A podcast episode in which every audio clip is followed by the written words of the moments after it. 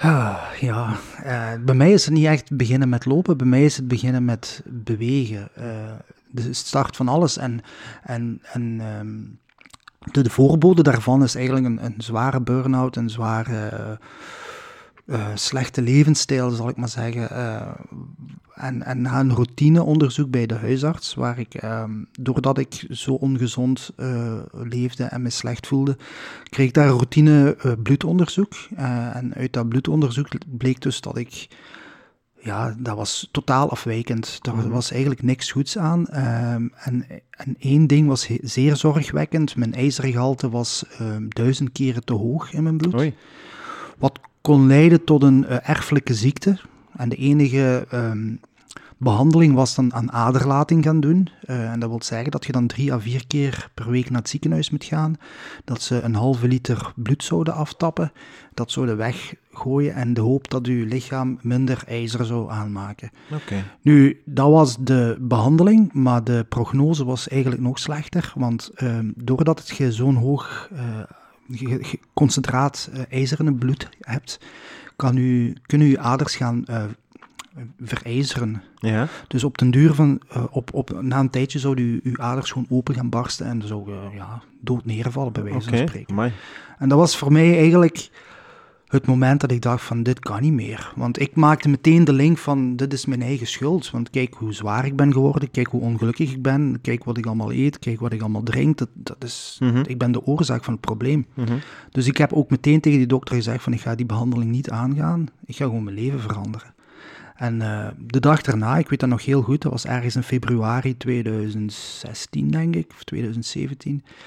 Uh, het, er lag sneeuw, dat was ik denk min 10 graden. Uh, ik had geen loperskleren, ik had geen wandelkleren. Ik heb me gewoon heel goed ingepakt en ik heb twee kilometer gelopen hier op Den Haag door een heide. En dat deed iets in mij. Dat deed goed. Dat voelde goed. En sindsdien ben ik elke dag blijven wandelen. En wandelen werd na een paar maanden lopen.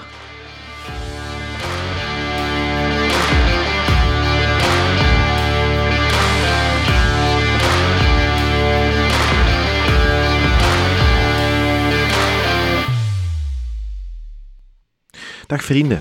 Februari ligt bijna achter ons en daar komt aflevering 26 al aangewaaid.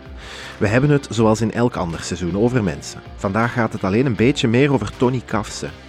Tony is een loper. Hem fervent en gepassioneerd noemen in die hobby is een licht understatement. Hij loopt over korte afstanden tot heel lange afstanden. Dat gaat van een avondje loslopen over 5 kilometer kan evengoed gaan over een marathon die nog altijd 42 kilometer en exact 195 meter bedraagt, maar ook ver daar voorbij. Dan heb ik het over ultra-afstanden tot wel 100 kilometer. Nog niet zo gek lang geleden deed hij er bijvoorbeeld 175 op twee dagen. En ik heb het dan voor alle duidelijkheid nog altijd over kilometers. Ooit was het allemaal anders voor hem. Tony kwam op een keerpunt in zijn leven, misschien mag ik zelfs dieptepunt zeggen. Fysiek en mentaal zat hij in een dal. Zijn huisarts vertelde hem dan een ongemakkelijke waarheid. Op deze manier kon het gewoon niet verder. Daar lag zijn motivatie, zijn drive om vanaf nu alles anders te doen. Zijn gezondheid nog langer op het spel zetten betekende tegelijkertijd waarschijnlijk ook een heel kort leven. Hoewel ik zelf ook gemakkelijk gemotiveerd geraak en enthousiast word over dingen, kan ik alleen maar toegeven dat Tony er op dat vlak op en over ging. In een waanzinnige omkeer in levensstijl ging zijn leven op een aantal jaren tijd er heel anders uitzien. Hij begon bijvoorbeeld te wandelen, wandelen werd dan al ook snel lopen, maar ook aan zijn voeding ging hij werken. En dan leerde hij dat plantaardig eten zijn pad naar een gezonde levensstijl was. Respect dekt de lading niet. Het is compleet zot wat Tony elke dag doet. En ik bedoel dat in elke positieve zin van het woord zot. Hij loopt ondertussen al 1109 dagen onafgebroken. Elke dag blijft hij in beweging en soms gaat dit over heel grote afstanden. Maar ook dan trekt hij de dag erna gewoon zijn loopschoenen aan. Business as usual. Binnenkort loopt Tony met een aantal collega's een event van 100 kilometer. Allemaal ten voordele van Kom op tegen kanker. Doneren of sponsoren kan nog steeds en ik geef iedereen de warme aanbeveling om dat ook even te doen. Je vindt informatie hierover terug op de Instagram-pagina van Over Mensen of kijk even onderaan de omschrijving van deze aflevering. Elke superheld heeft ook een superheldennaam en voor hem is dat de Vegan Streak Runner geworden. Staat hem perfect als gegoten zelfs. Hij mag met alle eer gaan lopen. Sinds kort doet hij dat trouwens niet meer alleen. Hij heeft een loopvereniging opgezet die minder en meer getrainde lopers samenbrengt. Inzetten op verbinding, vriendschap en gemeenschappelijke doelen bereiken. Door te sporten, een geniale combinatie. Check zeker ook Fun and Run op Facebook. En als je zelf graag wilt deelnemen, neem gerust contact op met hen. Afgelopen met de intro, tijd voor de marathon, die zich laat luisteren als een walk in the park. De superheld voor vandaag is Tony Kafse.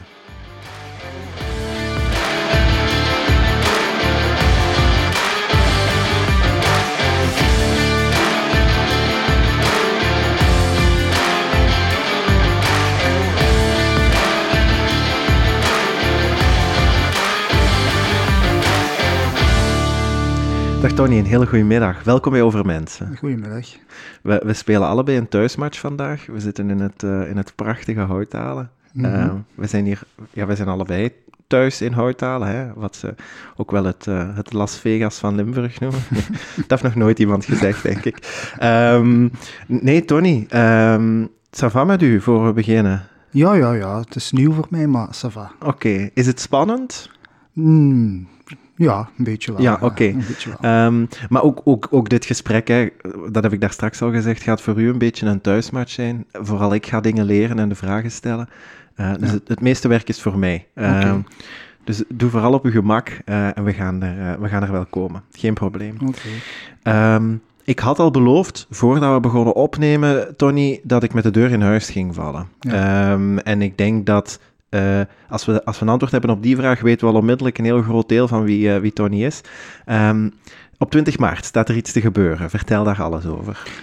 Ja, op 20 maart uh, willen we heel graag met drie andere lopers de 100 kilometer lopen voor Kom op tegen kanker. Nu, dat is niet mijn initiatief, dat is een initiatief van een collega en, en een vriend, Kevin Maas. Uh, die had in één keer het idee van, uh, tijdens een van ons loopjes, van uh, zouden we daar niet eens voor gaan, wat geld inzamelen voor het goede doel. Um, hij heeft zich daar ook achter gezet, hij heeft ook intern bij ons op het werk twee andere lopers warm gemaakt voor dan uh, samen die 100 kilometer te willen lopen.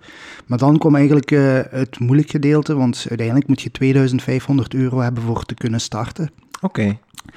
Nu, um, mijn collega Ine, die heeft zich er dan uh, volledig achter gezet. En ja, uiteindelijk, wat leek in het begin niet haalbaar te zijn, is eigenlijk nu na een kleine twee weken al binnen. Dus het geld hebben we al binnen mm -hmm. voor te mogen starten. Maar natuurlijk willen we nog veel meer binnenhalen. Right, ja, absoluut. 2500 euro, het, het, mag inderdaad wel wat meer zijn. Ja. Um, even over die 100 kilometer, hè. Uh, lopen jullie dan elk 100 kilometer of delen jullie dat dan door... Allee, door een nee, aantal lopers. Ja, het is eigenlijk de bedoeling dus met vier lopers uh, dat we gezamenlijk 100 kilometer okay. lopen. Uh, dit jaar zou het blijkbaar doorgaan op Torpark. Mm -hmm. Daar zijn uh, twee loops van 10 kilometer uitgestippeld. En uh, dus de eerste loper begint, uh, die loopt dan eerst 10 kilometer. Na 10 kilometer sluit de tweede loper aan. Uh, die, die lopen dan samen 20, nog eens 10 kilometer, mm -hmm. dus dan heb je 20 kilometer. En zo de derde, die loopt dan nog eens een rondje van 10 kilometer. En de laatste loopt nog eens een rondje van 10 kilometer. Dus gezamenlijk loop je dan samen 100 kilometer. Oké, okay, maar de eerste die loopt die dan wel een stuk 40 mee? 40 kilometer, ja. Oké. Okay. Ik loop als tweede, dus ik loop 30 kilometer. Oké. Okay. Wie, wie is het uh, slachtoffer voor de 40? Dat is Ine.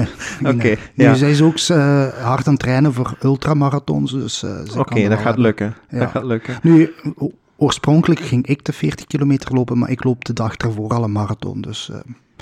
En dan de, de dag daarna opnieuw 30? Ja. Ja, ja. oké. Dus dat zijn er ook toch 2,73 op, op, op een weekend. Dagen, ja, ja, ja, ja, inderdaad. Stevig aantal kilometers, hè? Toch?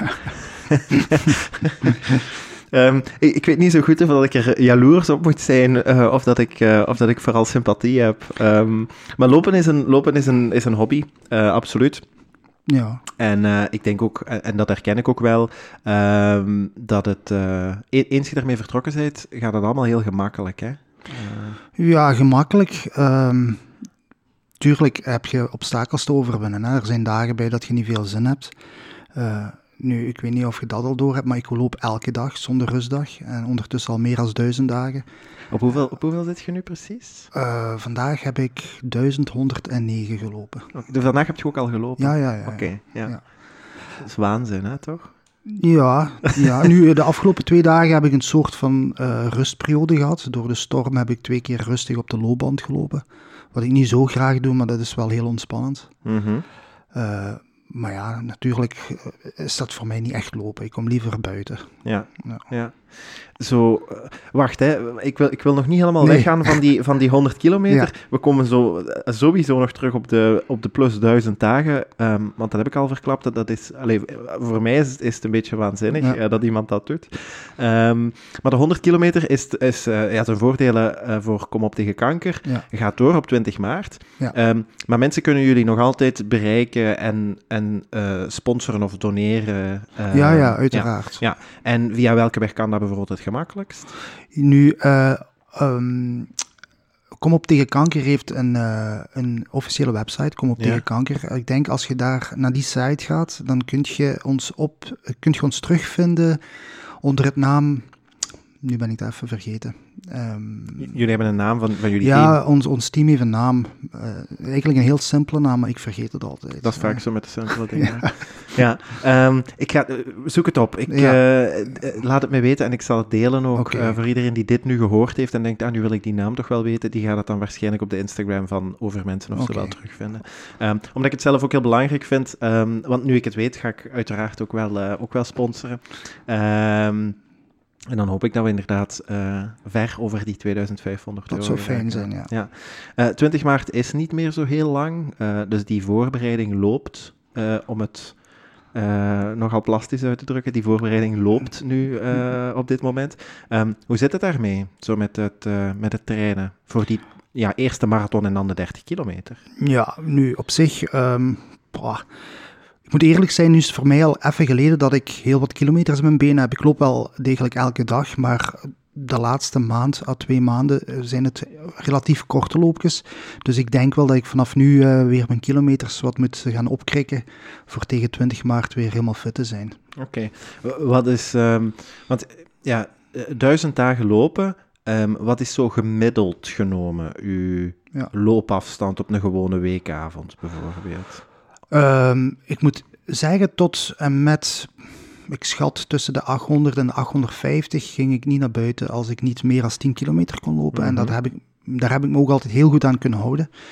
Nu, uh, sinds 850 uh, durf ik wel eens voor 5 kilometer naar buiten te gaan. Gewoon omdat ik het met momenten echt veel te druk heb. Oké, okay, ja. Dus, uh, ik, vind, ik vind ook wel dat, dat er een regel mag bestaan dat als iemand 850 dagen gelopen heeft onafgebroken, dat hij zich dat mag permitteren. Maar alleen dan. Ja, oké, okay, dankjewel. Maar normaal gezien, als je de pure... Um, uh, nu, er zijn meerdere lopers, uh, streaklopers over de wereld. Hè. Dat is ergens ook een, een, een, manier van leven. De, de, de regel rond streaklopen wil eigenlijk zeggen dat je minstens 1, kilometer, eh, 1 mijl per dag loopt. Oké, okay, 1,6. 1,6 ja. kilometer, ja. ja. Nu, dat is heel kort voor mij, maar ja. In principe is dat nog altijd Het telt, okay. het telt inderdaad als ja. lopen en, en het gaat dan inderdaad over de opeenvolging, hè, uh, om, om aan die definitie te, te, te voldoen. Um, ja, elke dag is uh, weer en wind, alle seizoenen. Um, ik denk, uh, want vandaag is het 19 februari. We hebben gisteren kennis gemaakt met, met een storm ja. uh, hier in Vlaanderen. Um, dat zijn waarschijnlijk de dagen ook dat trainen voor u voornamelijk binnen doorgaat. Hè? Tegenwoordig wel, ja. Ik, ja. ik durf tegenwoordig wel wat meer kiezen voor comfort. terwijl ik misschien een jaar geleden daar gewoon door zou zijn gegaan. Mm -hmm. Maar gisteren mocht ik er echt niet door van mijn vrouw. Oké, ja. Um, zo, uh, hoe valt dat eigenlijk mee met zo, ja, hoe moet ik het zeggen, slijtage? En dan heb ik het niet over uw schoenen, maar geeft dat ook wel eens wat, wat pijn en... en... Ja, dat is een heel goede vraag, maar daar schuilt een heel complex antwoord achter. Ja, uh, ik heb tijd. Ja, want dan maak ik eigenlijk een beetje de, de, de weg open naar, naar mijn plantaardig leven. Want um, voordat ik aan mijn loperstreek begon, was ik nog geen veganist. Mm -hmm. um, en toen had ik inderdaad om de week, om de paar dagen last van pijntjes en kwaaltjes overal. Mm -hmm. uh, en het is maar door uh, praten met mensen die um, relatief plantaardig leefden, dat ik erachter kwam dat, dat zij minder pijntjes hadden doordat zij ja, producten aten die, die minder zorgden voor verzuring en voor, voor, voor pijntjes overal. Mhm. En het is pas vanaf dat ik me daarin ben gaan verdiepen, dat ik het dus eh, heb geprobeerd. En ja, ik moet zeggen, sinds dat ik volledig plantaardig leef, heb ik nergens pijntjes. Oké, ja. Ja. Dus dat wil zeggen dat jij eigenlijk de dag nadien ook gewoon helemaal klaar bent om opnieuw je schoenen aan te doen en te vertrekken? Ja, Oké, ja. ja. Zel- Dus dat dag zelfs eh, zou ik al opnieuw kunnen gaan lopen. Oké. Stel dat jij een marathon loopt, Ja. want dat gaat nu niet, neem, maar dat neem ik aan, dit gaat nu niet uw eerste marathon zijn. Nee, nee, nee. Nee. nee, nee. Hoeveel heb je er, hoeveel heb je er bijvoorbeeld al gelopen? Nu, officiële marathons in de zin van aan een wedstrijd mee te doen. Of in afstand gewoon? Ja, een afstand heb ik er. Ja, tientallen, Oké, ja. tientallen gelopen. Ja. En dan loopt je de dag nadien ook gewoon? ja, ja. Oké. Nu, ik ga niet eh, liegen om te zeggen dat ik dan helemaal niks voel. Het is een belasting op je lichaam, maar Mhm. ik, ik kan wel terug vertrekken. Ja. Ja, oké. oké.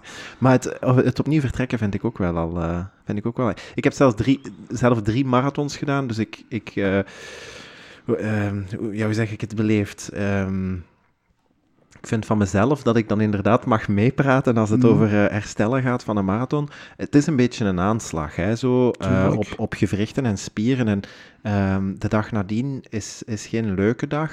eh, maar ja, het is, ik vind het super moedig dat je dan inderdaad gewoon je schoenen terug kunt aandoen en, Ja. en vertrekken. Nu, er is wel een verschil, vind ik nog steeds, tussen mensen die trainen voor een marathon. Meestal ligt dan de accent op een goede tijd neer te leggen en daar naartoe leven en dan die dag zelf u volledig geven. Mhm, Dat is dus niet wat ik doe. Hè. Ik, ik loop wel een marathon, maar dat is op mijn gezapige tempo. mhm. Wat voor sommigen wel een, een pittig tempo is, maar het is niet dat ik voluit, eh, voluit ga. Hè. Ik, Ja. ik luister constant naar mijn lichaam. eh, en alles een teken van dat ik de volgende dag inderdaad terug mijn schoenen kan aantrekken en opnieuw kan gaan lopen. Hè. Mhm. Maar dat wil misschien wel zeggen, want de winnaar bijvoorbeeld is er vanaf op twee uur en pakt Ja. vijf minuten. Ehm, maar jij doet daar een stuk langer over, dus uw, uw belasting in tijd is natuurlijk ook wel een stuk groter. Hè? Ja, ja, uiteraard. Ehm, maar ja, daar gaan, daar gaan uw duizend dagen onafgebroken wel, eh, Mhm. wel, wel wat in helpen. Ja. Ehm, ja, op, opnieuw. eh, we weten dat we nu duizend en dagen verder zijn. Je bent daar op een bepaald moment mee begonnen. Ehm, wat heeft zo... Allee, of her- herinnert je je die dag nog? Dat je, ik weet bijvoorbeeld nog heel goed de dag dat ik ben beginnen lopen. Mhm. Vergeet ik nooit meer. Ehm, heb jij ook zo'n een, een, ehm, een, een mijlpaal, een keerpunt in je hoofd waarvan dat je weet, ah ja, dat is het moment dat ik daarmee begonnen ben. En dat was om die reden. Beginnen met lopen bedoel Ja. je?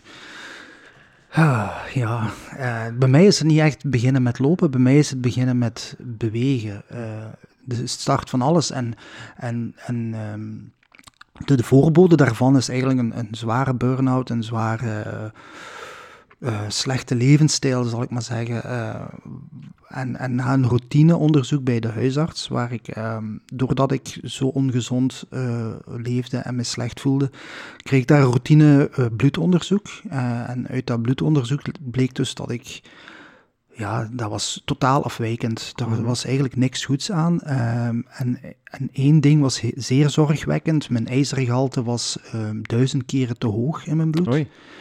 Wat kon leiden tot een eh, erfelijke ziekte. En de enige ehm, behandeling was dan aan aderlating gaan doen. Eh, en dat wil zeggen dat je dan drie à vier keer per week naar het ziekenhuis moet gaan. Dat ze een halve liter bloed zouden aftappen.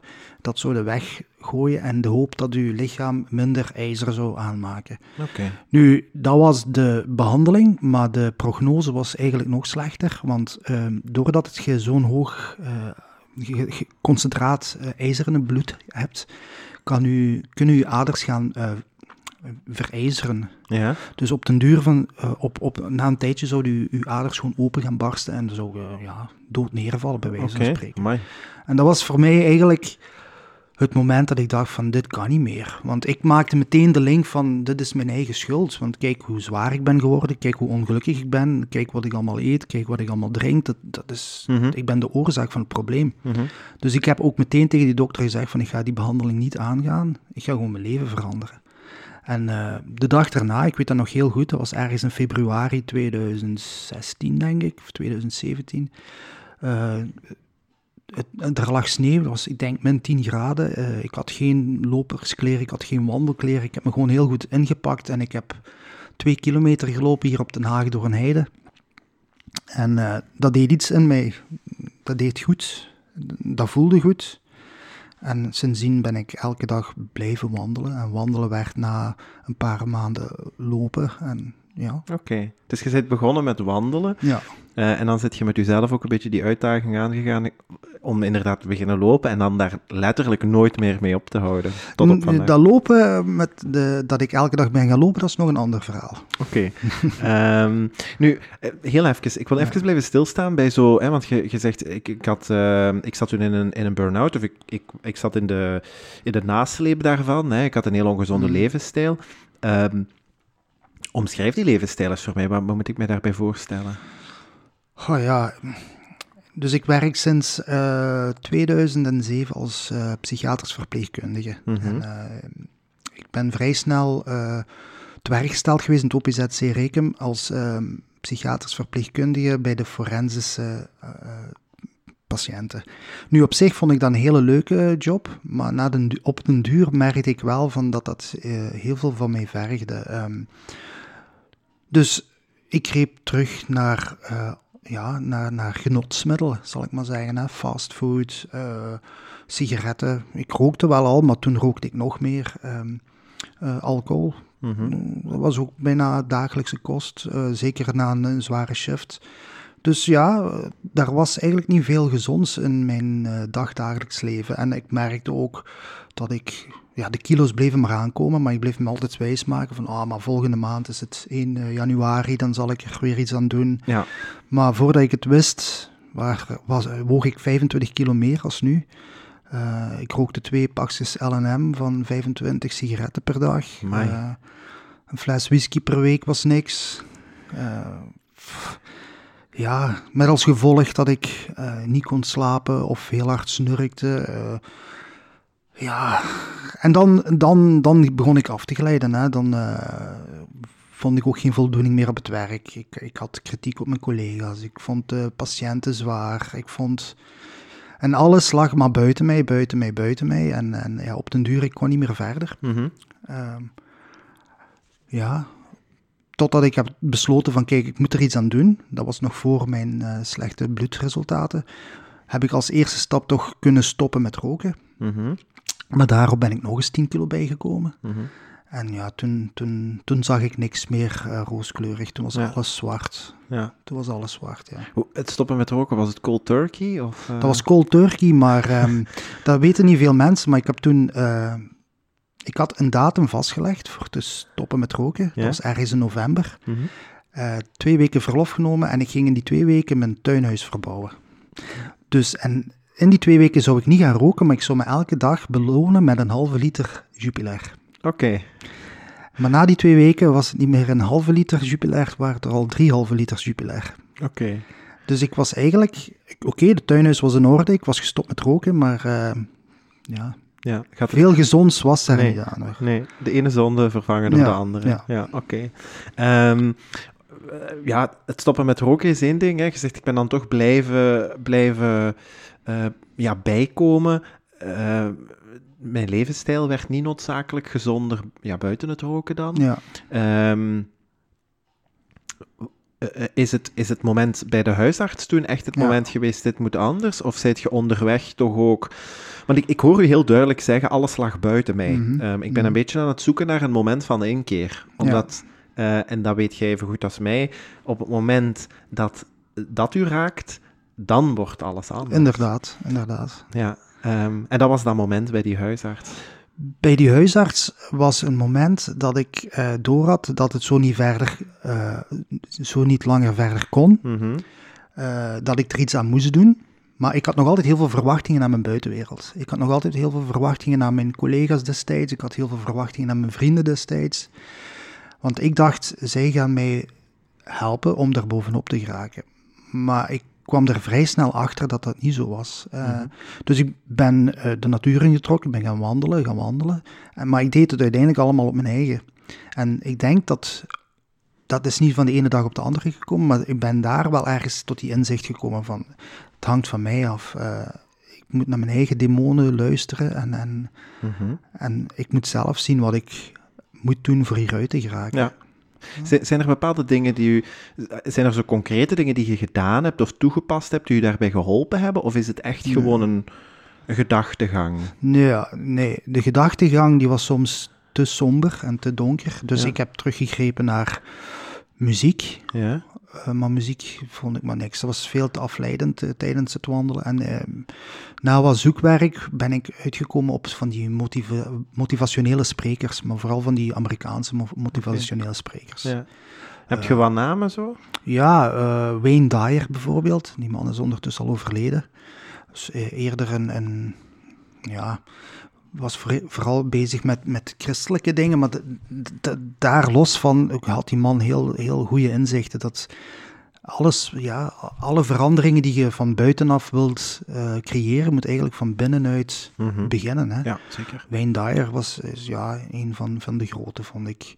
Maar zo zijn er heel veel en ook heel veel, ehm, heel veel motivationele sprekers waarvan mensen niet weten dat die motivationele sprekers zijn. Gelijk een Jim Carrey, Arnold Schwarzenegger. Ja, zeker. Ja. Dat, is, dat zijn eh, ongelooflijke mensen. Ja. En, en als je YouTube een beetje eh, ja, onderzoekt, er zijn er zoveel. Eh, Mhm. ja, en Ja. Zeker, zeker Jim Carrey, want die heeft, ja. die heeft ook wat een, eh, een heel donkere periode Ja. eh, in zijn leven doorgemaakt. En die is daar ook als een echt compleet ander mens uitgekomen. Ehm, daar ben ik ook al wel eens zo op, eh, op video's van gebotst, waar dat hij zo heel rake dingen zegt. En ehm, ja, wij, wij zien hem niet in, in die vorm of zo. Nee. Ehm, maar het is, het is, eh, ja, ik denk ook wel dat die man nu oprechter en meer zichzelf is dan dat ooit kon vroeger. Ja. Ehm, Inderdaad. ik geloof ook wel dat je op een gegeven moment zo in, in het typetje verzeild geraakt en dat je dat probeert eh, hoog te houden of staande te houden. Ja, Ja. Ehm, ja goed. Eh, Tony, je zit dan on- ondertussen eh, zit je allee, toch goed op weg hè, om, om uit, die, eh, uit die levensstijl eh, te komen. Ehm, ik, ik, durf het niet zo goed vragen, maar ik ga het toch doen. Ehm, zo op het moment dat je wist, nu moet het echt anders, want het gaat, gaat met mijn gezondheid eh, de verkeerde kant op. Je zegt, ik ben toen heel wat bijgekomen Mhm. ook.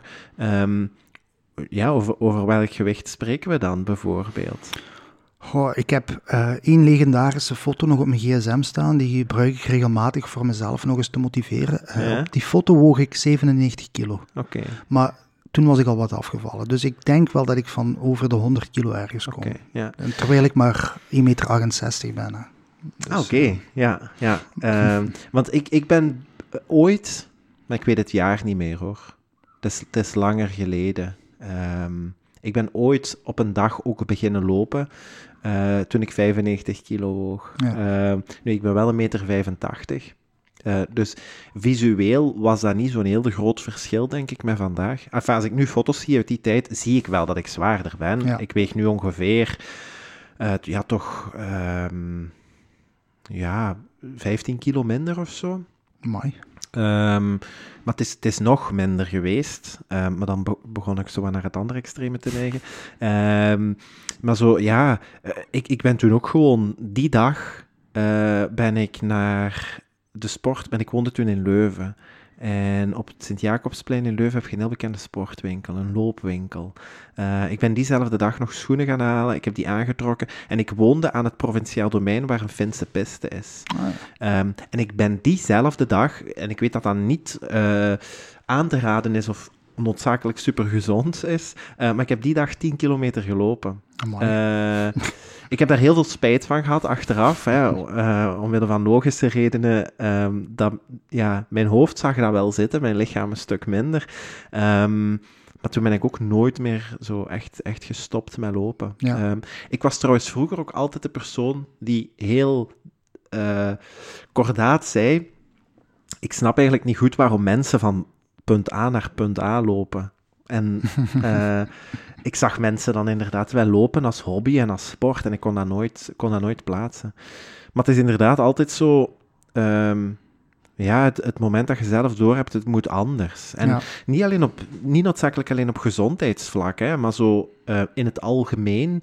Op het moment dat zo, ja, dat, dat ja, die, die frang valt van, ah ja, oké, nu moet het inderdaad anders en het ligt inderdaad aan mij. En dat, dat gaat over heel, heel basic dingen. Hè. Ik bedoel, heb ik goed gegeten, heb ik goed geslapen, heb ik bewogen vandaag? En heel, heel simpele, kleine dingen die een wereld van verschil maken en die u dan bijvoorbeeld ook mentaal ehm, van heel diep kunnen terughalen. Ja, ja, ja. Ehm, en dat is Soms wordt daar een beetje over, allee, zo onnozel over gedaan, alsof het zo zou gaan als verdoken egoïsme, omdat je heel fel op jezelf gericht bent. Maar ja, dan ook, er is ook een cliché dat zegt, als je niet goed zorgt voor jezelf, kun je niet, kun je niet zorgen voor anderen. Dat klopt. Um, dus het, het, het, is, het is geen egoïsme, het is, het is een soort van zelfbehoud. Um, ja, we vinden het veel logischer om met een, om met een, hoe moet ik het zeggen, defecte auto naar een garagist te gaan, um, dan met onszelf naar een, alleen noem het een garagist te gaan. Ja. Um, nee, maar goed, allee, je zei dan inderdaad, hè, zo die, die vlucht vooruit. Op het moment dat je bent beginnen wandelen en lopen, en dat heb ik u daar straks ook al horen verklappen, werd je nog niet heel erg bezig met plantaardige voeding nee, bijvoorbeeld. Hè? absoluut niet. Nee. Hoe, hoe lang zitten we dan in het verhaal voordat dat uh, op je pad kwam? Uh, nu, uh, voor, voor, voor misschien mijn vorig verhaal wat te, ver, uh, te vervolgen, hè, ja. van wandelen werd het lopen, maar in het lopen vond ik inderdaad wel heel veel voldoening, maar ik wilde, buiten het feit dat je gezonder en fitter voelt, in mijn geval was het ook van, um, ik wil ontdekken. Ik, ik, ik was het een beetje beu dat ik altijd op dezelfde plekken bleef, dus uh, ik ben dan ook... Uh, exotischere plaatsen gaan opzoeken. Met exotische, exotischere plaatsen bedoel ik gewoon de Ardennen bijvoorbeeld. Okay. Uh, ja, voor iemand uit de hout halen is bijvoorbeeld de Leuven of... Het is of, ook heel exotisch, Of, ja. of een Luik is ook al heel exotisch. dus uh, ja, mijn, mijn, mijn, ik wilde mijn grenzen verleggen in, uh, in afstand op de eerste plaats, maar ook op, in, in plaatsen waar ik kwam. Maar daar knelde het schoentje altijd. Want telkens als ik iets, iets geks deed, uh, als ik afweek van mijn 10 kilometer en dan werden er 17 bijvoorbeeld, ja, dan kon ik een week niet meer lopen, want dan had ik pijn. Uh, onderweg ben ik dan ook mensen tegengekomen die wel al wat langere afstanden liepen. Uh, en zo ben ik bij een oud vriend terechtgekomen, Raf Willems, dat is ook een leerkracht geweest van mij.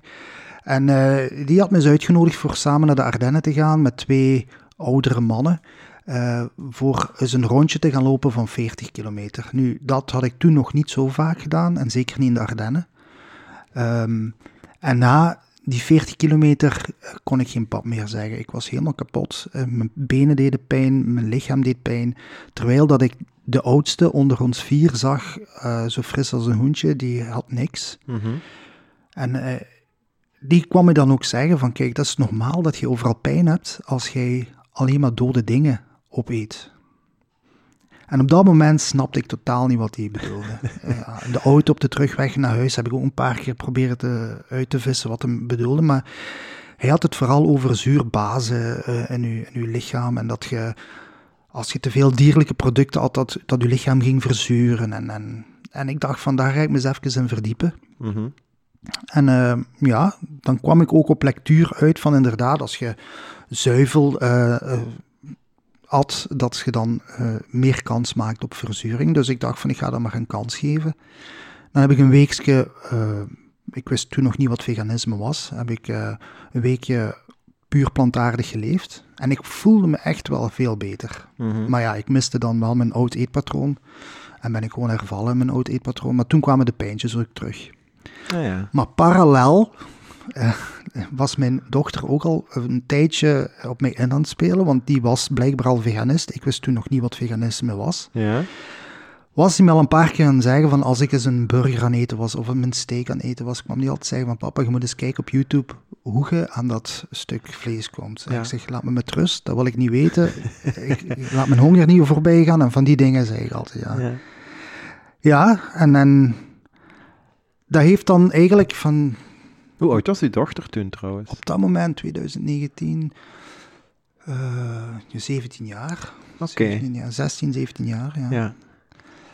Maar dankzij haar ben ik dan toch uiteindelijk naar die filmpjes gaan kijken. Uh, Cowspiracy. Ja. Uh, van die zaken, ja, dat is gruwelijk om te zien natuurlijk. Maar als je daarvoor open staat, dan beseft je ook dat dat alleen maar gebeurt omdat wij dat graag eten. En um, ja, dan heb ik zo wat geflirt met, met veganisme, vegetarisme, uh, terug gewoon. Um, tot, op een tot op een dag uh, dat ik ook op van die uh, dierenactivisten uitkwam op YouTube, gelijk Joey Carbstrong en, en van ja. die... Ja. En toen dacht ik van, kijk, het moet gedaan zijn. Ik ga, ik ga er gewoon voor. Ik ga me er fitter voor doorvoelen en, en, en de dieren zullen me dankbaar zijn. En eigenlijk de dag dat ik besloten had dat ik puur veganistisch ging leven, dus puur plantaardig, ben ik ook aan mijn loperstreek begonnen. Dus eigenlijk vandaag heb ik 1109 dagen op rij gelopen, maar ik ben ook 1109 dagen veganist. Oké, okay, die hangen echt samen. Ja, ja. Ah, ja oké, dat is wel nice. Ja. Dus eigenlijk wilde ik een statement maken van kijk, ik kan even fit zijn, of misschien zelfs fitter als mensen die uh, niet plantaardig leven. Oké. Okay. Ik had even statement verstaan. Ste maar dat was niet juist. nee, nee, nee. um, nee, zo um, helemaal in het begin, want ik, voor mij is het bijvoorbeeld, ik vergeet altijd het jaar, ook 2019, denk ik. Ja, 27 oktober, dat weet ik. Uh, en dan denk ik 2019. Ik, ik heb toen de Game Changers gezien. Ah, de Game Changers, uh, dat is waarschijnlijk wel later, denk ik. Um, ja, die, was, die stop, was toen net diezelfde dag uh, ja, is, die, is die op Netflix gekomen. Um, ik heb dat dan onmiddellijk gekeken. Uh, en ook omdat ik inderdaad zo wel met sport bezig was. En dat trok mij wel. Alleen ja. daar zaten ook een aantal mensen in, zoals Arnold Schwarzenegger speelt daar ook. Ja. Uh, die speelt, dat is een documentaire, dus die speelt geen rol of zo. Um, maar dat was zo iemand waarvan ik dacht, ja, allee, die man heeft heel zijn leven aan gezondheid en alles gespendeerd. En, en als die zo dingen zegt, John Wilkes, de man die het... Uh, is het ja. John Wilkes? Ja, hè? Um, dat is een man die, die de docu gemaakt heeft, is eigenlijk een MMA-bokser, als ik het niet, niet verkeerd heb. Dus ook wel iemand die traint ook gelijk zo Amerikaanse gevechtseenheden en zo ja, in, in klopt. het leger. Uh, daar is die coach van. Um, of in, in American football en zo doet hij ook, denk ik, dingen. Uh, en dan denk ik, ja, als die mensen dat zeggen, is daar misschien wel iets over te vertellen. Um, de Game Changers bleek dan inderdaad achteraf een beetje met de haren getrokken om bepaalde dingen net iets meer uh, uit, te vergroten, ja. uit te vergroten, waardoor dat het heel gemakkelijk is voor mensen die daar kritiek op willen hebben, om te zeggen, ah kijk, maar om die reden is Mhm. het... Uh... Maar op zich, die, in die basis uh, zijn er wel een aantal elementen die wel blijven rechtstaan. Ja. En wat ik u daarnet over vertellen, over zo, um, ja, bijvoorbeeld... Uh, zuivel uh, en, dan het, en ook vlees en dan bijvoorbeeld het effect op verzuring uh, in ons lichaam, maar ook ontstekingsreacties Ja. op pezen en, en gewrichten en zo die zaken. Uh, dat zijn zaken die, die wel nog boven water blijven staan en, en uh, ook meermaals onderzocht zijn, maar vooral... Um, want ik hoor zeggen dat het u helpt in de praktijk en dat is bij mij ook absoluut het geval. Mhm. Mm -hmm. um, ik zie een heel duidelijk verschil tussen sporten als, ja, noem het alleseter en sporten uh, op, een, op een plantaardige levensstijl. Dus ja, in onze ervaring blijkt het inderdaad wel te kloppen. En dan, en dan denk ik, ja, ja, je moet daar in een zekere zin natuurlijk wel een, een soort van basis in hebben. Hè? Als, Ja. u, als uw mindset er niet in wilt geloven of, of het niet wilt zien, dan snap ik dat je, dat je ja, moeilijk die switch kunt maken. Jij zat op een kruispunt in uw leven. Ja. Um, en dat heeft gemaakt inderdaad van, oké, okay, als het mij kan helpen om een beter mens te worden of uh, bijvoorbeeld gezonder te zijn, dan is dat zo. Voor mij was het ook vooral een gezondheidsaspect. En, de eerste plaats wel, ja. Ja, en ik weet dat daar zo in de, ja, noem het de vegan community, wordt daar zo wat lacherig over gedaan. Ja. Hè? Mensen die dat dan doen vanuit gezondheidsoverwegingen. Ik heb dan een beetje de indruk of de, de neiging om te zeggen van, ja, als het een gateway is, waarom niet? Tuurlijk, um, tuurlijk. Op zich maakt het voor mij, ja, om het heel cru te zeggen, geen hol uit waarom Ja. iemand dat doet. Um, en je probeert zo het goede voorbeeld te zijn zonder echt um, uh, het goede voorbeeld uit te dragen. Zo snap je wat ik Ik bedoel? snap wat je wilt Ja. zeggen, ja. Hoe, hoe gaat je daar zelf bijvoorbeeld mee om? Zo met ja, probeert jij mensen te beïnvloeden of probeert jij mensen, Ja. allee, zo, hoe moet ik het zeggen, de blijde boodschap te verspreiden? Hoe, hoe pak je dat zelf aan? Ja, blijde boodschap. Uh, toen, ik, toen ik daar pas bij was, was ik wel eigenlijk um, er heel hard van overtuigd dat ik wel heel veel mensen zou kunnen overtuigen om een ander levensstijl aan te pakken. Want ik ben ook uh, aangesloten bij Anonymous voor de Voiceless. Uh, ik ben ook op, op straat gaan staan in Hasselt uh, om, om, mensen te doen inzien hoeveel dierenleed er is bij hun dagdagelijkse eetgewoontes. Maar wat ik snel merkte was dat het vooral bij mij frustraties bracht. eh, Ja. In plaats van dat ik mensen kon overtuigen om een, op een andere levensstijl aan te nemen. Ja, ja. Dus ik ben daarvan afgestapt. Eh, natuurlijk probeer ik nog altijd mensen duidelijk te maken van. eh, zeker als ze zo komen met van die. ehm, ja, van die clichés zo. Hè. Allee, je kunt niet leven zonder steak. Wat gaat jij nu weer eten deze middag? Is dat gras? Nou, dan ben ik wel geneigd voor snel op mijn paard te zitten en eh, Ah ja, hun, hun, hun de les te spellen. Maar in het algemeen probeer ik gewoon op een positieve manier eh, over te brengen hoe mijn levensstijl beter is voor mezelf, maar vooral voor de dieren en ook voor eh, ons milieu. Hè. Want mensen hebben niet door dat ons klimaat echt wel een stukje kapot aan gaan is door onze levensstijl. Hè. En, Klopt. en dat is ook grotendeels ons eetgewoontes. Hè. Maar Mhm. Dat willen mensen niet horen. Hè. Als je dat eens ter sprake ben, eh, brengt, dan is het altijd van, oh, je zit daar weer met je extreme uitspraken. Maar ze hebben niet door dat ons eetgewoontes zijn juist extreem. Mhm. Maar ja, Ja, dat is waar. Dat is waar. Ik, denk, ik denk zelfs dat eh, voedingspatroon globaal genomen een grotere impact heeft op het milieu dan transport. Hè? ja Ehm, en we zijn daar heel erg op gefocust en daar is ook iedereen van overtuigd dat we daar beter in moeten zijn. Ja. Maar ons, voedings, ons voedingspatroon heeft eigenlijk een zwaardere ja. eh, voetafdruk eh, dan ehm, hetgeen dat we nu zo met, eh, ehm, met, met, met de riek en de fakkels achterna zitten om, om het zo te, te verjagen. Ja, het is waar. Het is waar. Je bent nu meer dan duizend dagen eh, veganist en ook, ook fervent loper. Ja. Hè? Ehm, lopen, lopen op zich, maar zeker in die mate waarop dat jij dat doet, vraagt ook, neem ik aan, ehm, niet zomaar plantaardig eten. Je, je moet op een specifieke manier je lichaam voorzien van de juiste dingen, eh, neem ik aan. Ja, ehm, ik moet eerlijk zeggen, vorig jaar, eh allee, vorig jaar, nu zijn we al 22, eh, eind 2020 was ik er veel meer mee bezig, want toen heb ik ook wel extreme dingen gedaan. Dan heb ik heel veel ultra's gelopen en dan was ik ook wel heel veel bezig met voeding en wat heb ik nodig voor te recupereren. En, maar heel eerlijk gezegd doe ik dat niet meer zoveel. Ik Mhm. eet gewoon eh, gevarieerd en, en voldoende en soms wel een beetje te veel. Maar je haalt eigenlijk alles uit je, uit je dagdagelijkse voeding. Als je een beetje varieert en vooral gezond eet. Hè? Mhm. Heel veel groente en heel veel fruit. Ja, ik ben er niet meer zoveel mee bezig. Ja, nee. Nee, Nee. nee ik, ik volg het wel. In het begin was het inderdaad een, een focus die dan gemakkelijk te groot wordt.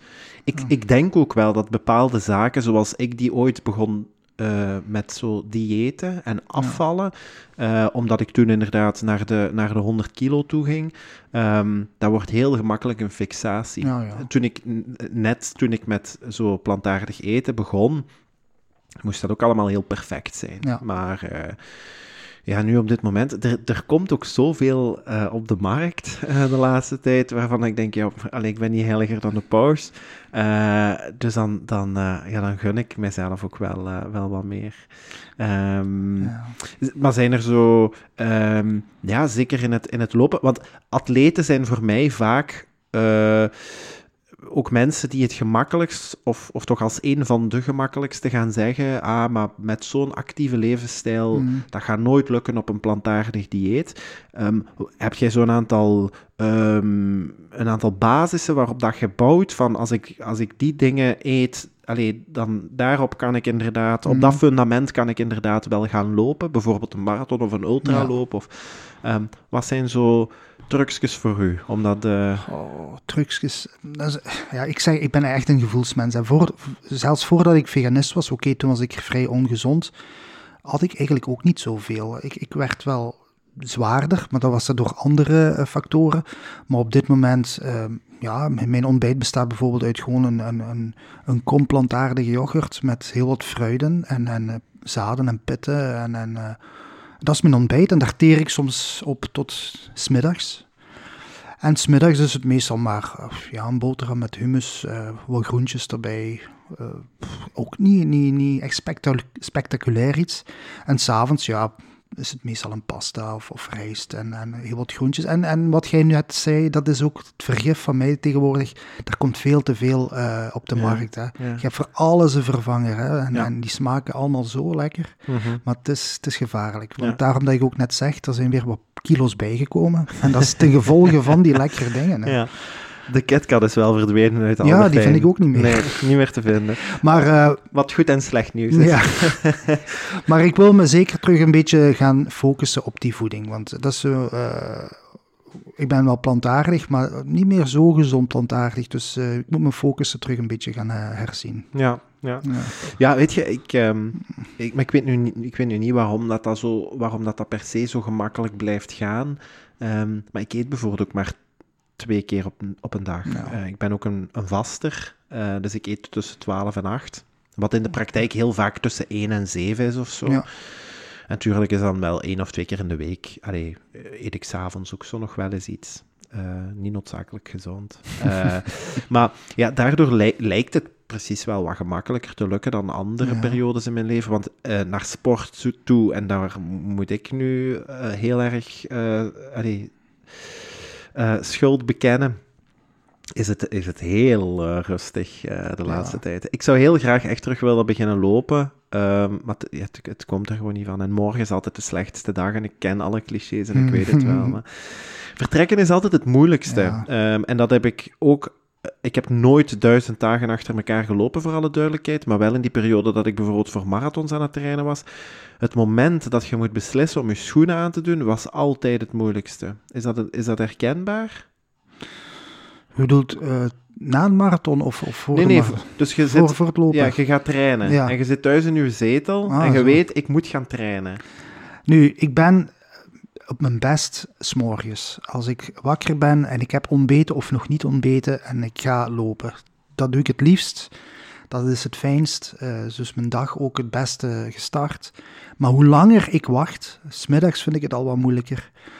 Maar één keer vijf, zes uur, dan, dan zou ik zeggen van ik ga niet lopen. Dat doe ik echt niet graag. Maar dat doet dan pijn, ja. Maar toch, ja, toch trek ik die schoenen dan aan en vertrek ik. Wat, wat maakt jezelf dan wijs? Ja, nu op dit moment is het die loperstreek. Hè. Als ik Ja. nu stop, dat zou heel zonde zijn omdat ik een serie aan het kijken ben om, om niet te gaan lopen. Ja, ja. De enige reden waarom ik nu zou stoppen is als ik geblesseerd ben of echt ziek ben. Hè. Eh, maar dat zou, het zou, ik zou het echt zonde vinden voor te zeggen van eh, ik heb moeten stoppen omdat ik een goede serie aan kijken. Oké, ja.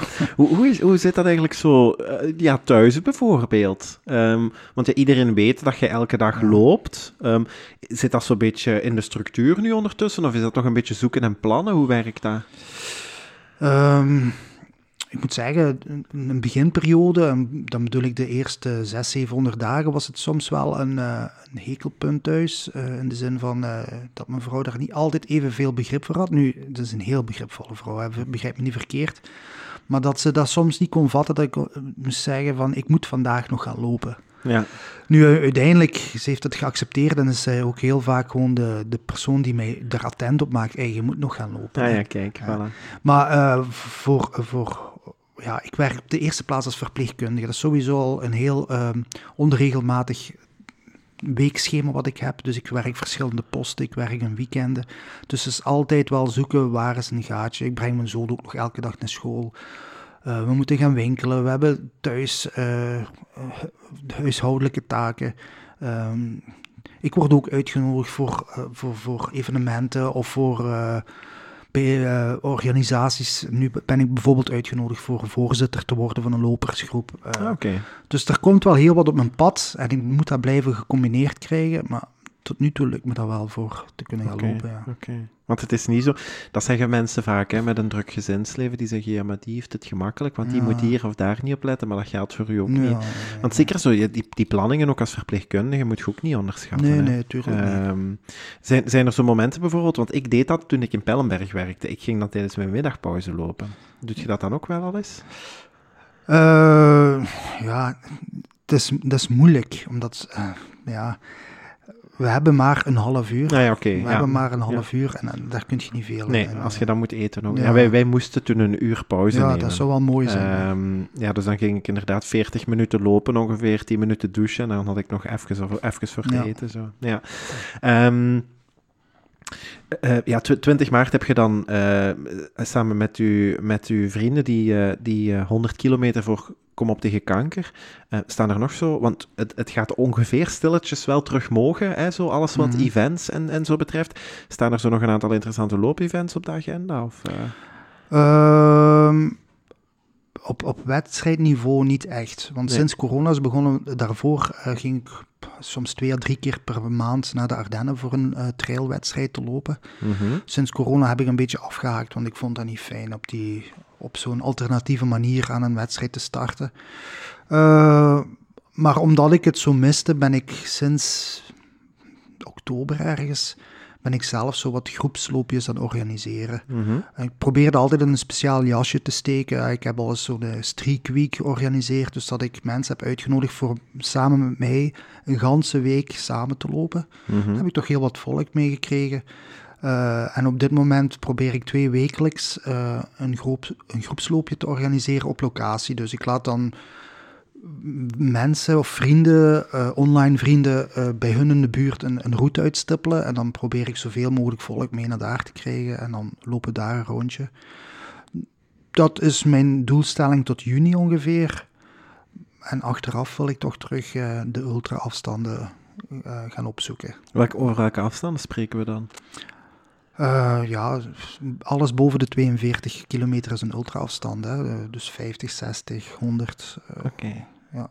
Amai. Wat, wat is zo de, de, de, verst, de meest verre loop die je ooit al gedaan hebt?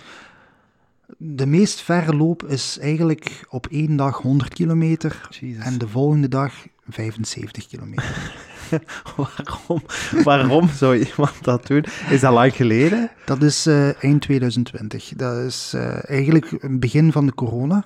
Allee, begin ja, hier in België was het begin corona eigenlijk ongeveer. Zijn er zo'n paar uh, zotte mensen die online ehm, van die uh, uitdaging hadden uitgestippeld, de duivelse uitdaging. Ik weet niet of iemand daar ooit van gehoord heeft.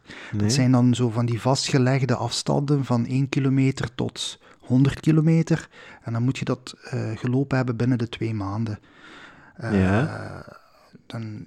Ja, dat was zo op Strava een ding, weet ik. Ja, op Strava, dat is eigenlijk een Facebookpagina die, ah, die via ja, verschillende eh, wegen mensen proberen warm te krijgen voor daaraan deel te nemen. Mhm. En ik had toen toch niks beters te doen.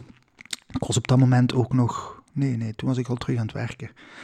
Um, ja, dat waren eigenlijk dus, je hebt eh, verschillende kleurzones en de rode zone waren eigenlijk alle ultras. En dat ging van, van 50 kilometer tot 100 kilometer en er waren in totaal zeven, zeven ultras. Ja. En die had ik allemaal bewaard voor in de maand december.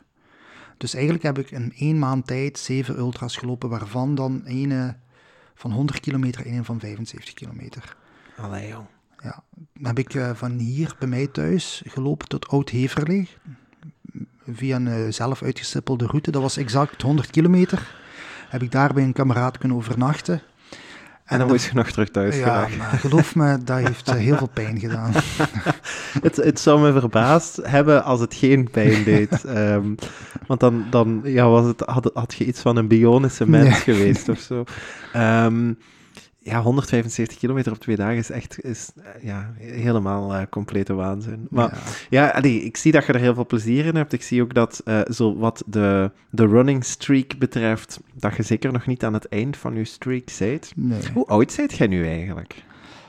Dat is een goede vraag. 74, dus 47. Dit jaar word ik 48. Oké, dus in 2022 48 jaar. Um, en sportief gezien in, in, of op de piek van uw leven. Uh, ja, ja, ik ben toch in ieder geval veel fitter als toen ik 30 was. Ja, ja. Um, waarmee ik trouwens niet wil zeggen dat je oud bent nu op dit moment, maar ik wil gewoon meegeven, het is nooit te laat om het om te keren. Nee, nee dat klopt. Dat klopt. Um, want 48 is nog is jong, hè? Ja, ja, ja. Um, maar het is inderdaad, je zou dan inderdaad verwachten dat iemand die 30 is toch fysiek gezien op een betere plek staat in zijn leven. Gemiddeld. iedereen zou dat kunnen. Hè? Allee, als, uh, ik, ik krijg zo vaak complimenten. Begrijp me niet verkeerd, ik krijg graag complimenten. Maar na een compliment komt altijd, maar ik kan dat niet omdat. Ja. En ik kan dat niet omdat was ik maar zo fit. Maar ze beseffen niet dat je ergens moet starten. Hè. Je moet eigenlijk u, op de eerste plaats jezelf overwinnen in je hoofd. Hè. Je moet zeggen van, ik kan dat wel. Ja. En, en je moet gewoon starten. Mhm. Ik ga niet zeggen, er zullen altijd wel mensen zijn met lichamelijke afwijkingen of, of dat weet ik niet. Maar grotendeels, grotendeels hebben we alles zelf in, eh, in de handen. Klopt. Maar we willen niet afstappen van onze, van onze ja, eh, comfort, roomachtige situatie. Hè? Ja. We zitten graag in de zetel, we eten graag eens iets lekkers. En, en maakt dat uit als ik 10 kilo zwaarder ben als ik normaal zou moeten zijn. Mhm. Maar ja, Nee, klopt. verandering begint bij jezelf. hè. Zijn er zo voor, voor jezelf zaken? Want als je zo, gelijk mensen zeggen, hè, je krijgt dan complimenten van mensen en dan zeggen ze, oh ja, voor mij gaat dat toch moeilijker zijn, want hierom. Ja. Wat, wat zijn dan zo de antwoorden die je geeft aan mensen? Ja, het is altijd moeilijk. hè. In begin, ik zeg, in het begin was ik eh, misschien wat botter. Gewoon, eh, ik zei gelijk het was, of gelijk ik het dacht. Maar het ligt veel complexer. Hè. Mensen, ja, ik, moet ik dat zeggen? Het is, ook, het is, het is iets wat je aangeleerd hebt. Hè. Dat is niet van, van de ene dag op de andere. Hè. Mensen leven zo al hun hele leven lang. En wie ben ik dan om te zeggen van, allee jong, draai, draai je gedachten en, en vertrek gewoon. Hè. Het is een inter, inter, hoe zeg je dat? Een, een interne motivatie moet je Ja, hebben. Hè. Die ja. interne motivatie moet sterker zijn dan je externe comfortabel leven. Hè. Ja, klopt. Vanaf het moment dat je wilt veranderen, kunt je veranderen. Mhm. Maar het moet, het moet toch van jezelf komen. Hè. Dat, dat merk ik ook bijvoorbeeld eh, op de werkvloer. Hè.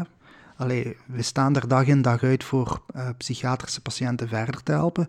Maar zolang dat die persoon zelf niet geholpen wilt worden, bijt je tanden erop kapot. hè. Ja, dat is waar. Dat dus, is waar. eh, en, en zo is dat ook met mensen die graag zouden willen veranderen, maar niet weten hoe ze moeten veranderen.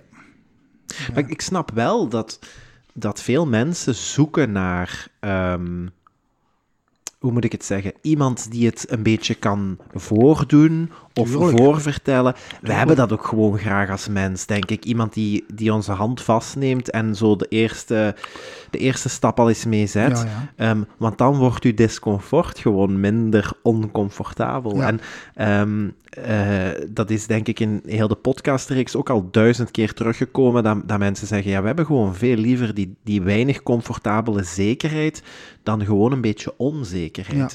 Ehm, en ik snap dat voor heel veel mensen gaan lopen, ehm, misschien niet letterlijk, maar zeker figuurlijk een berg overgaan Ja, is. ja. Ehm, het hoeft eigenlijk allemaal niet zo complex te zijn. En ik ben helemaal mee in wat je zelf zegt van ja, er zijn altijd heel veel redenen buiten uzelf om uzelf ervan te overtuigen dat het niks voor u is, dat het niet het moment is, dat je dat niet kunt, dat je daar geen, niet de mentale of fysieke capaciteiten voor hebt. Ehm, maar ik heb bijvoorbeeld ook al mensen, ah nee, ik bedoel, de- er zijn mensen die letterlijk nog één been hebben die marathons lopen, Ja, ja, ja. bijvoorbeeld. En Ja. Ehm, ik heb altijd heel veel respect gehad voor bijvoorbeeld eh, ook de revalidanten waarmee dat wij werkten in Pellenberg, die ondanks heel zware eh, beperkingen, hè, fysieke beperkingen, ehm, tot gigantische sportprestaties in staat waren. Dat heeft mij ook wel gemotiveerd, omdat ik dacht van ja, wat, wat zij kunnen. Dus ik heb daar in het begin zeker allee, naar motivatie toe ook wel eens zo mijn, mijn Ja. kaartje aan vastgehangen ehm, en, en daar wat energie uitgeput. Maar want ik merk nu, hè, want dat hoor ik u ook zeggen zo, met, eh, ze, ze hebben nu dan gevraagd om zo'n rol op te nemen in, de, in, in een lopersvereniging, Mhm. maar je zit zelf ook wel wat bezig met, ja, groepstrainingen is een groot woord, maar toch mensen samen te Ja. gaan laten trainen. Ik denk dat we daar ook gewoon nood aan hebben, een beetje verbinding en een, en Ja. een aantal mensen die andere mensen samenbrengen. Ja. Ehm, niet alleen voor de sociale controle, maar ook gewoon ja, om mensen terug een beetje dichter bij elkaar te brengen met een gemeenschappelijk doel. Ja, klopt volledig. Wat van u ook een stuk van een. eh, want daar zit een heel pure motivatie in, die niet, eh, hoe moet ik het zeggen, geradicaliseerd is. Allee, ehm je brengt gewoon een groep mensen samen en zij kiezen daar zelf voor Mhm. en ze willen gaan lopen. En jij modereert dat een beetje. Ja. Dus op zich zit daar ook een heel mooie rol in, hè, toch? ja, en ik doe dat ook graag. hè. Ja, ja. Hoeveel, hoeveel mensen bereikt je zo? Het is heel afhankelijk. eh, het hangt van het weer af, hangt van de locatie af, hangt van... Ja, nu beginnen inderdaad ook die eh, wedstrijden op locatie weer. Hè, want, maar ik heb toch rond tussen de 10 en de 20 man is toch altijd aanwezig. Wat ik op zich al heel mooi vind. Mhm. Eh, dus ja. Oké, ja. En in Houthalen? Uh, die, uh, vorig jaar was alles hier in Houthal, hè, dus heb ik hier eigenlijk alle natuurgebieden in de omstreken aangeboden. Ten Haag door een Heide, Hengeloof, De Teut, een stukje militair domein. En dat trok mensen wel aan, omdat ik ben wel redelijk actief op sociale media. Dus ik post ook heel veel foto's en mensen zien mijn loopomgeving. En ik denk dat heel wat lopers eens gewoon hebben willen ervaren wat ik dagdagelijks kan mm -hmm, zien hier. Mm -hmm. Maar nu probeer ik het wat te verruimen, hè, want uh, nu zijn we verleden week toevallig hier in Kelligtruf geweest. Uh, voor Levi's uh, herdenkingsroute. Ik weet niet of je daar iets van hebt gelezen. Nee. Dat is een herdenkingsroute uh, van zijn overleden dochter, Daniel, uh, wat zeg ik nu, René Daniels. Ja. Die is in 2018 overleden aan een zeldzame afwijkende ziekte bij geboorte op vijfjarige leeftijd. Okay. En Levi, de papa van, van René, heeft dan een, een segment, segment uitgestippeld in Kelligtroef. Ja. Met de belangrijkste plaatsen en de mooiste herinneringen aan zijn dochter. Ah, oké. Okay, dat, dat is een route, ja, Dat is een route van 15 kilometer en die hebben nu toch al x aantal keren gedaan met een groep lopers. Mm -hmm. uh, en dat staat eigenlijk een teken van uh, de route bekendheid te brengen, uh, zodat die meer gelopen of gewandeld wordt. Oké, okay.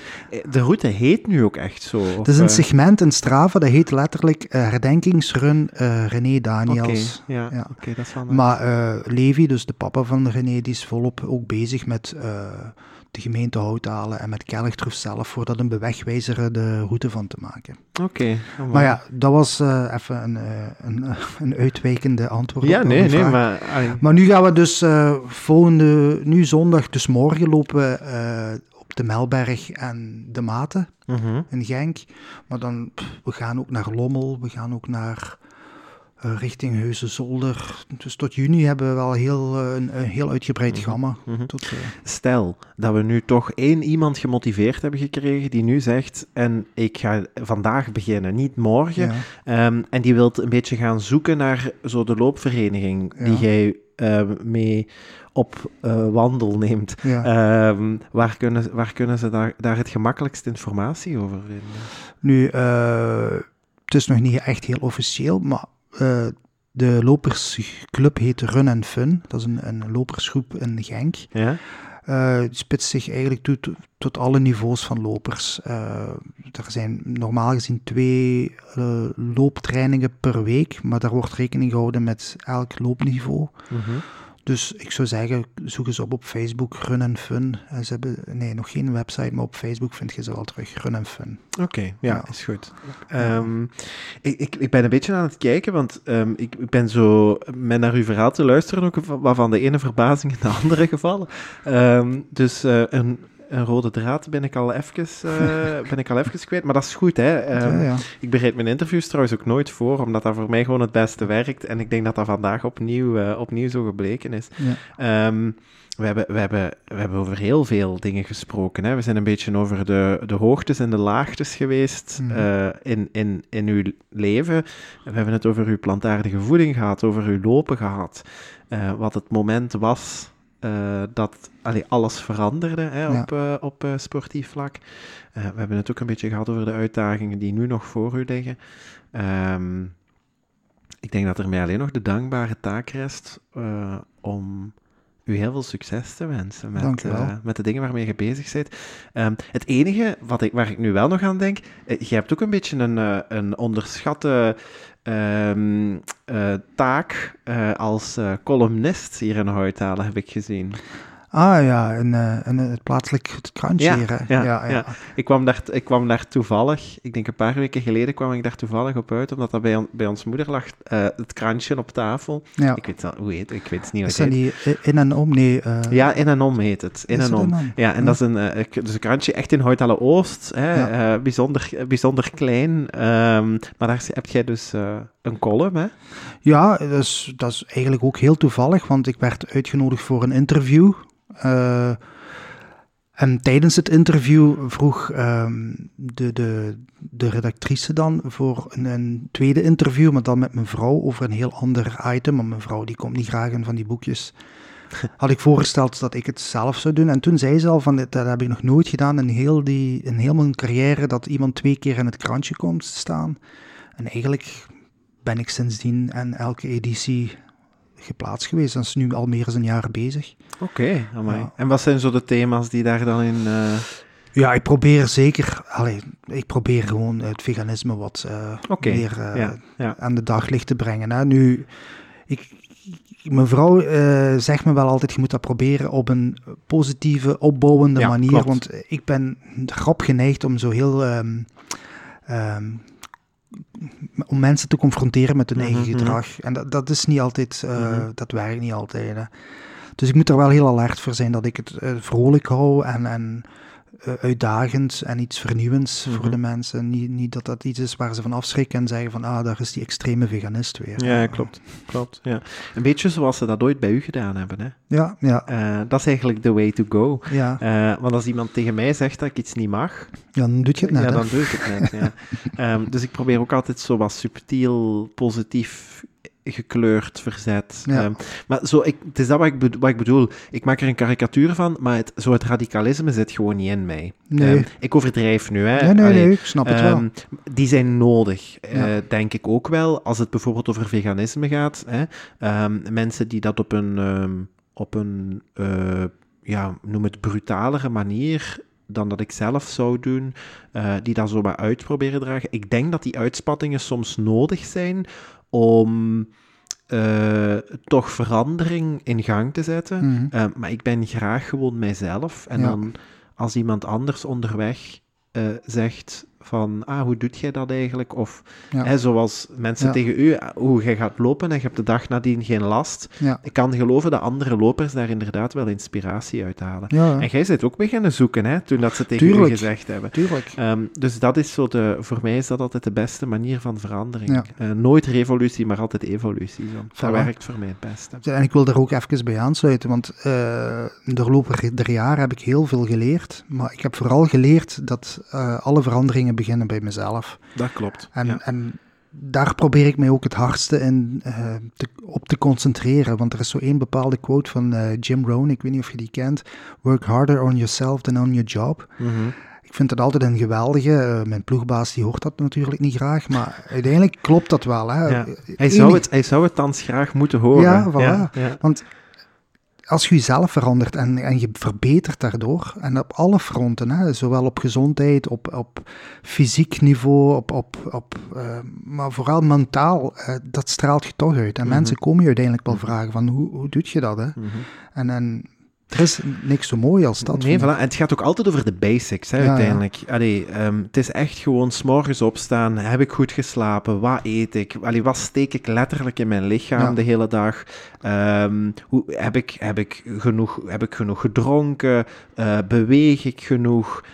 Um, zo al, al die kleine elementjes maken gewoon van uzelf een beter persoon. En ik geloof ook dat, en dat is de verandering in uzelf, dat die dingen...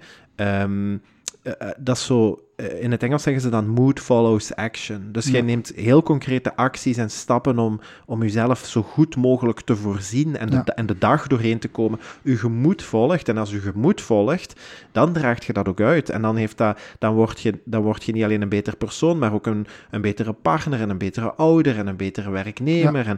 En um, iedereen heeft daar dan ook wel in een zekere zin baat bij. Dat werkt ook gewoon veel beter dan u zelf altijd op de derde, vierde, vijfde, zesde plaats zetten. Um, en blijven, blijven uw best doen en blijven forceren om het altijd voor iedereen anders in de eerste plaats ja. goed te doen. Want dan brandt je jezelf op. Zijt je ook ja. geen inspiratie voor andere nee. mensen. Nee. Um, en ik geloof ook dat niet iedereen een inspiratie moet zijn in de nadrukkelijke zin van het woord. Maar je zijt het wel aan jezelf verplicht een beetje. Ja. Um, want anders zet je de deur weer open voor heel veel andere zaken. Ja, ja. En dan voelt heel de wereld zich goed, omdat jij altijd zo goed voor hen gezorgd hebt. En dan uh, gaat de deur toe s'avonds en dan zit je daar helemaal alleen in je, in uw donkere, denkbeeldige kelder. um, dus daar is ook niemand mee verder geholpen, nee. toch? Um, nee, goed. Uh, ik, ik, ik vond het zelf heel leuk, het gesprek. Uh, want wij zijn allebei van Houtalen, maar we hebben elkaar nog nooit gesproken in het echt. Nee. Um, jij kent mijn broer, Stefano bijvoorbeeld wel, en, en, en Wesley en Jordi, hè, dat hoor ik ook.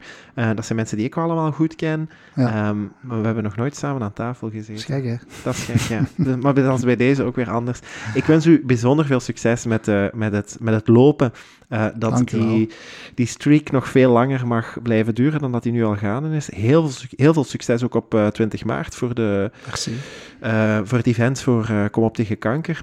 ik ga zelf doneren. Ik ga die informatie ook delen bij ja. over mensen, dat mensen okay. die, die weg ook wel weten te vinden.